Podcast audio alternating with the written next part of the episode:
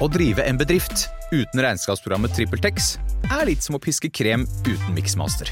Det går jo, men det bare tar masse unødvendig tid. TrippelTex, det fleksible regnskapsprogrammet som forenkler hverdagen for over 100 000 fornøyde kunder. Prøv gratis på TrippelTex.no. En podkast fra Podplay. Denne episoden kan være skremmende for enkelte lyttere. Om du er yngre eller sensitiv, bør du lytte til episoden med en voksen du stoler på, eller skru av.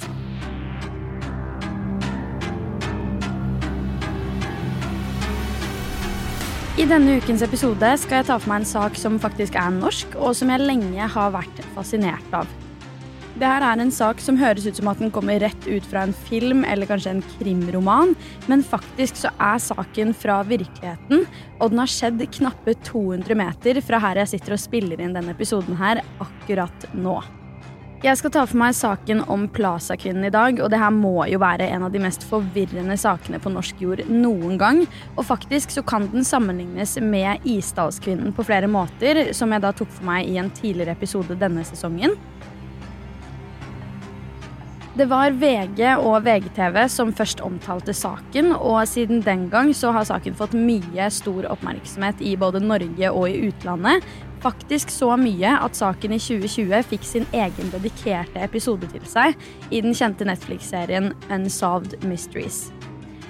Sett deg godt til rette, for dette er saken om den mystiske Plaza-kvinnen.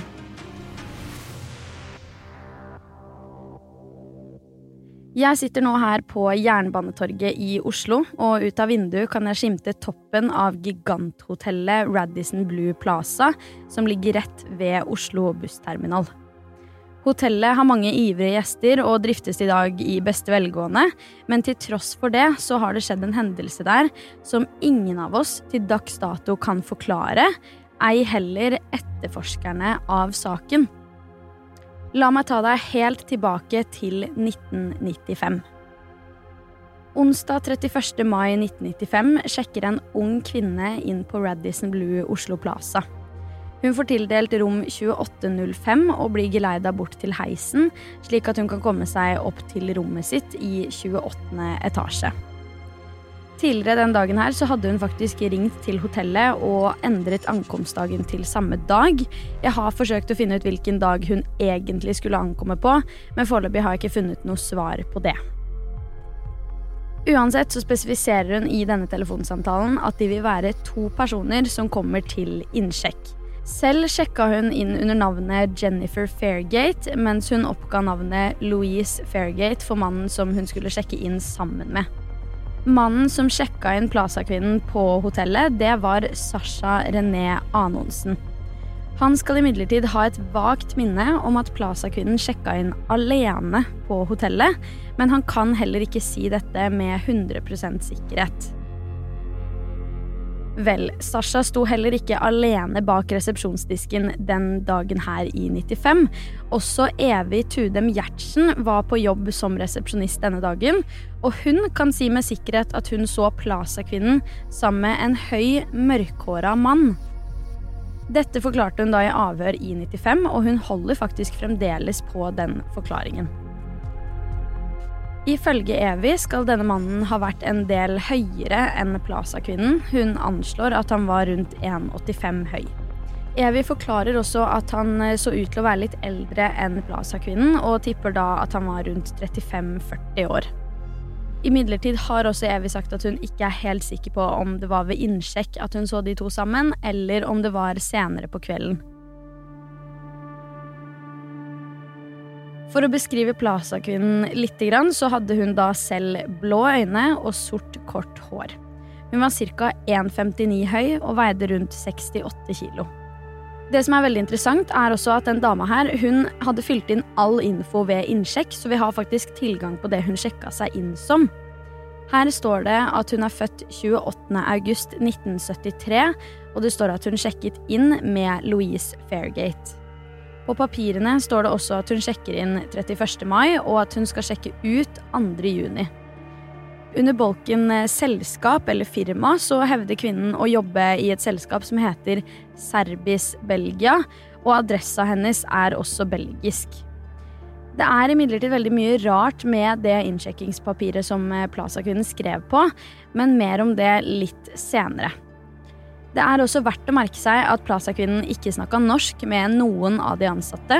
Hun snakka stort sett tysk, så derfor er det jo rimelig å anta at hun enten var fra et tyskspråklig land, eller at hun i hvert fall kunne en god dose tysk og var fra et europeisk land i det minste. Man tenker jo kanskje at dette var en helt normal innsjekk, ikke noe spesielt med den. Dette var en kvinne og en mann, men da hadde vi vel kanskje heller ikke vært her i denne podkasten. Tre dager etter at Plaza-kunden sjekker inn på hotellet, så begynner nemlig de ansatte å bemerke seg noen merkelige ting. Denne angivelige Jennifer-kvinnen, eller Plaza-kvinnen, hadde aldri oppgitt kredittkortinfo eller noen betalingsinfo i det hele tatt. Hun hadde heller ikke forhåndsbetalt på noe som helst måte. Og i tillegg til det så hadde det hengt en Do Not Disturb-lapp utafor døra hennes i nå to dager. Det er jo helt normalt å ha denne lappen hengende utenfor døra i kanskje noen timer mens man er borte, eller i noen timer mens man ikke vil bli forstyrra på rommet. Men når det går over så mange timer, og også etter hvert dager, så begynner det jo å se veldig rart ut, og da er det jo ikke rart at de hotellansatte reagerer. Det virker nesten som at denne kvinnen har sjekka inn og nesten umiddelbart hengt lappen utafor døra si. Men hvorfor det?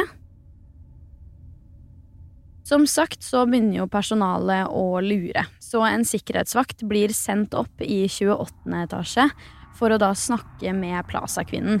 Men i sekundet han banker på døra hennes, så hører han et skudd fra rommet. Sikkerhetsvakten blir da sjokkert og venter en liten stund i gangen og gjemmer seg, før han da bestemmer seg for å ta heisen ned igjen, for da å snakke med resten av sikkerhetsteamet. Fra dette tidspunktet så er det 15 minutter som går uten at rommet til Plaza-kvinnen er under kontroll. Det er ikke bevoktet, ingenting. Ingen sikkerhetsvakter står utenfor rommet i denne tidsperioden. Det vil si at det kan hende at noen har forlatt rommet i løpet av det kvarteret her, men det vet man faktisk ingenting om. Etter hvert blir da han som var sjef over sikkerhetsvaktene på den tiden her, med opp til rommet for å sjekke hva det var som hadde skjedd. Da han kommer frem, merker han at døren er dobbeltlåst fra innsiden, som gjør at det kun er sikkerhetsvaktene som har mulighet til å åpne døra med en spesialnøkkel. Først forsøkte de da å banke på døra, men ingen svarte. Tidligere så hadde de også forsøkt å sende noen meldinger til rommet til Plaza-kvinnen, som alle sammen hadde blitt kvittert med OK, og disse meldingene inneholdt da beskjeder om at hun måtte komme ned til resepsjonen for å levere kredittkortinfo og lignende ting. Når hun da ikke åpner døra når de banker på, så er det eneste rette å gjøre å låse seg inn på rommet for å sjekke om hun i det hele tatt var der. Det sikkerhetsvaktene blir møtt med nå, det er helt ufattelig trist. Sikkerhetsvaktene går forsiktig inn i rommet, og umiddelbart kan de kjenne en veldig stram lukt. Og så fort de kommer langt nok inn, så ser de den unge kvinnen ligge død på senga i en dam av blod og med et skuddsår i panna. Sikkerhetslederen ser at en gardin blafrer litt i vinden som kommer fra det åpne vinduet, og utenfor vinduet så er det 28 åtte etasjer ned. Hvem var det som hadde skutt? Hvor var den mystiske Louise Fairgate? Kunne Jennifer eller Plaza-kvinnen selv ha gjort dette? Funnet danner umiddelbart uansett veldig mange spørsmål, og politiet blir naturligvis kontakta umiddelbart.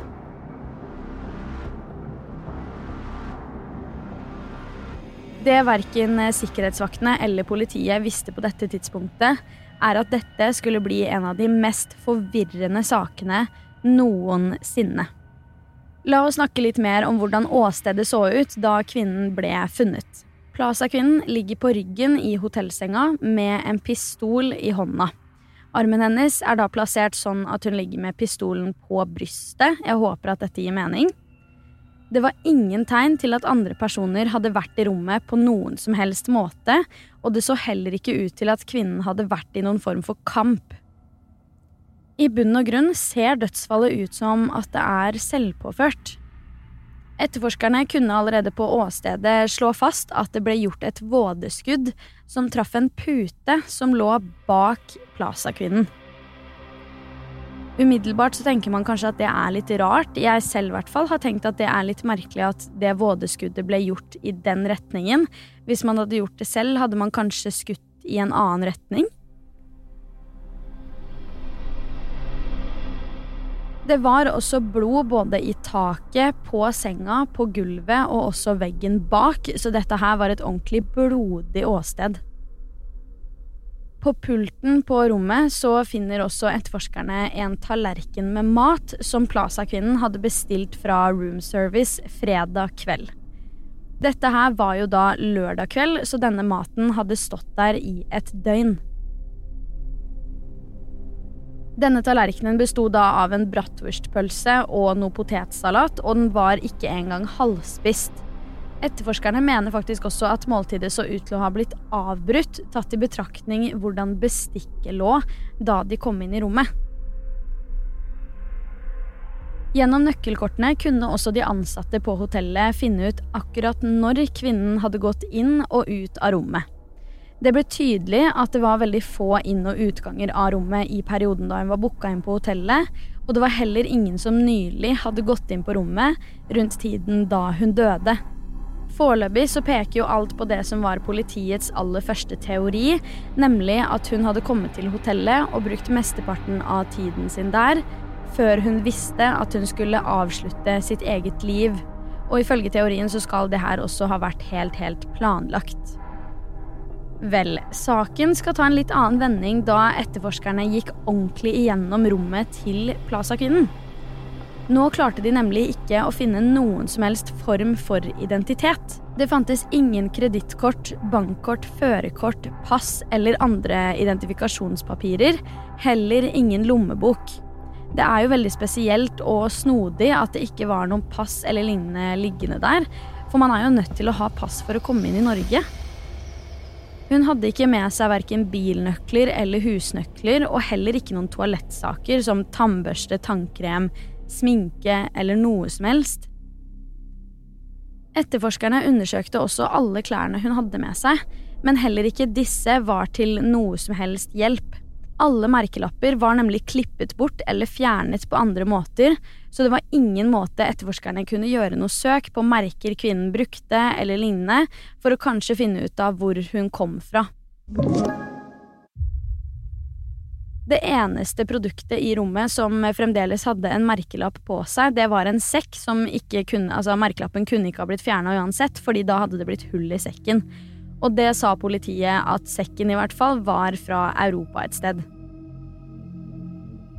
I tillegg til det her så bemerka etterforskerne seg at eh, Plaza-kvinnen hadde med seg mange klær og jakker til overkroppen, men hun hadde ingenting til underkroppen annet enn det hun allerede hadde på seg.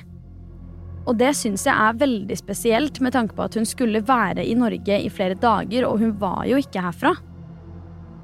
Saken ender jo selvfølgelig ikke her, for etterforskerne blir jo da nødt til å se på informasjonen de kunne hente inn via innsjekkingspapirene. Det som skjer her, er at de finner både telefonnummer og adresse, så nå håper de å ha kommet i hvert fall et lite stykke på vei.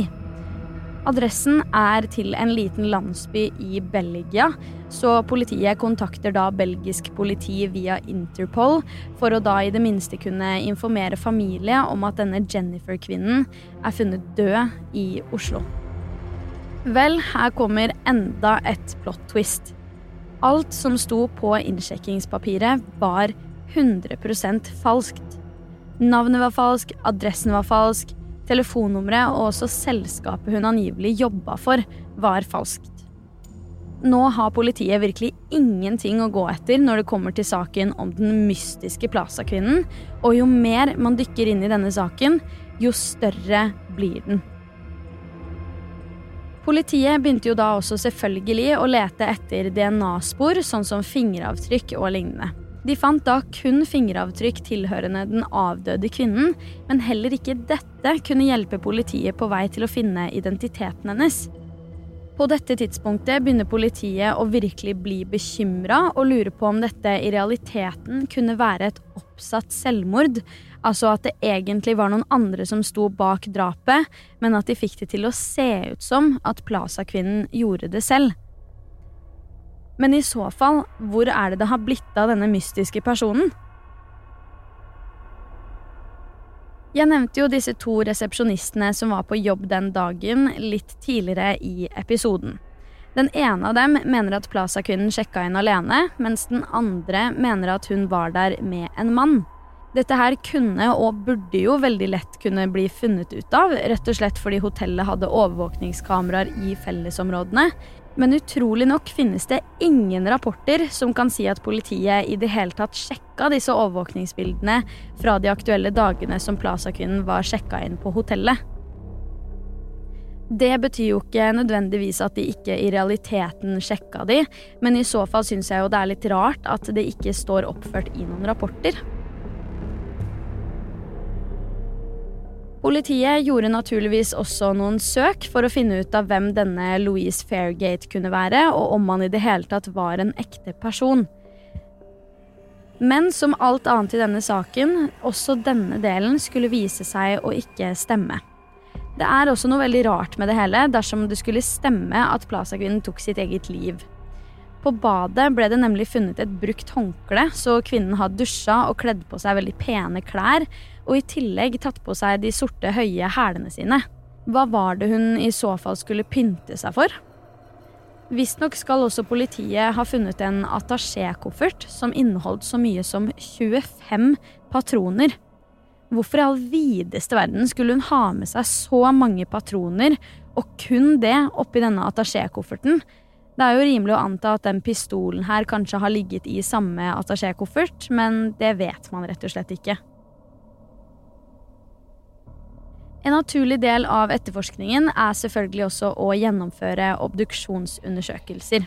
Disse gjennomføres da enten av en patolog eller en rettsmedisiner, og gjennom disse kan man finne ut både dødsårsak, når hun døde, ca. hvor gammel hun var, og også om hun hadde noe i kroppen som kunne hjelpe politiet. Patologen eller rettsmedisineren anslår da at Plaza-kvinnen var ca. 30 år gammel, med en feilmargin på fem år pluss minus. I 2018 kom det faktisk frem at hun mest sannsynlig var 24 år, noe som kanskje ikke er så langt fra sannheten, tatt i betraktning at Plaza-kvinnen sjekka inn med en fødselsdato som tilsa at hun var 21 år gammel. Det er også noe veldig interessant med denne obduksjonsundersøkelsen. Denne kunne nemlig vise at Plaza-kvinnen ikke hadde verken kruttslam eller blodrester på hånda som skal ha blitt brukt til å skyte med. Den delen her ser jo veldig da unaturlig ut, ettersom at dersom hun skjøt seg selv, og også tatt i betraktning hvor ille åstedet var dekka i blod, så vil det jo være rart at kun hånda hennes er skåna for blodet og kruttslammet. Det var heller ikke blod på pistolen, ei heller fingeravtrykk. Kunne det være oppsatt sånn at en person har bare lagt pistolen på henne i hånda hennes før vedkommende har dratt? Et år etter dødsfallet så blir denne mystiske Plaza-kvinnen gravlagt uten noen gravstøtte eller noen navn den 26. juni 1996. Grunnen til at de beholdt liket så lenge som i et år før hun ble gravlagt, var rett og slett fordi at de ønska å gjøre flere undersøkelser for å kanskje komme litt lengre på vei, men det endte de ikke opp med å gjøre i løpet av det første året. Denne begravelsen var heller ikke sånn som man tenker at en begravelse skal være. Se for deg en helt tom kirke, eller kanskje et tomt kapell. Det er ingen prest og heller ingen andre mennesker enn de som skal bære ut kista. Disse personene er heller ikke familie eller nære slik de vanligvis er. Denne Jennifer Fairgate ble gravlagt på den mest ensomme måten noen kan bli gravlagt på. Og den delen er ufattelig trist å tenke på, uansett hva som var årsaken til dødsfallet, og hvem som eventuelt skal ha gjort det. Jennifer ble også gravlagt før noen av hennes nære og kjære fikk vite hva som i det hele tatt skjedde med henne. I 2016 ble restene av Plaza-kvinnen gravd opp igjen i håp om å kunne gi etterforskningen nye spor å gå etter, men foreløpig står vi fremdeles på stedet hvil når det kommer til å finne ut hva som virkelig var identiteten til denne mystiske Plaza-kvinnen. Det som også er veldig interessant her, er at Plaza-kvinnen aldri noen gang har blitt meldt savna av noen, noe som også er veldig spesielt med tanke på at hun var jo ung og hadde antageligvis enten kjæreste, nære venner, en familie eller i det minste noen rundt henne som brydde seg om henne. Men hvor er så disse menneskene? Det finnes jo veldig mange teorier der ute om hva som kan ha skjedd med den stakkars kvinnen, og også kanskje grunnen til at hun aldri er blitt meldt savna. Noen mener at hun helt klart gjorde dette her selv, mens andre mener at hun f.eks. var en prostituert som ble drept av klienten sin. Men kan det være at det da er litt merkelig at hele identiteten hennes er skjult? En annen veldig sterk teori er at hun jobbet innenfor etterretningsbransjen og kanskje bedrev spionasje eller lignende i Norge.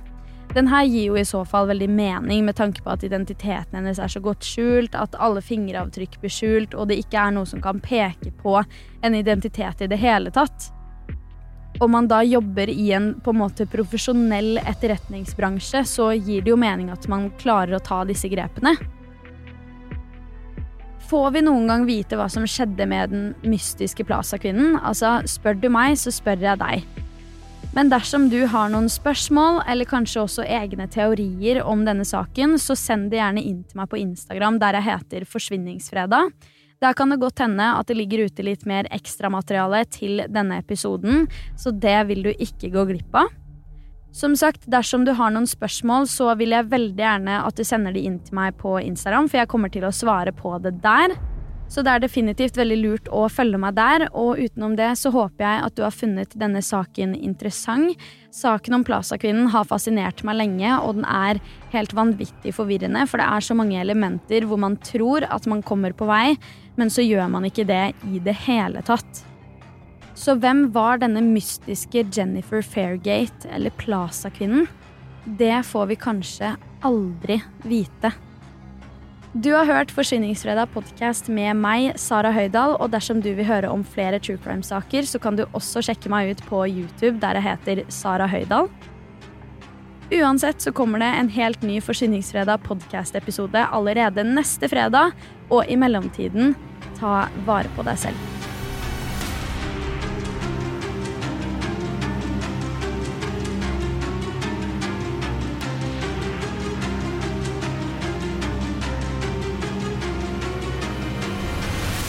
Du har hørt en podkast fra Podplay. En enklere måte å høre podkast på. Last ned appen Podplay, eller se podplay.no.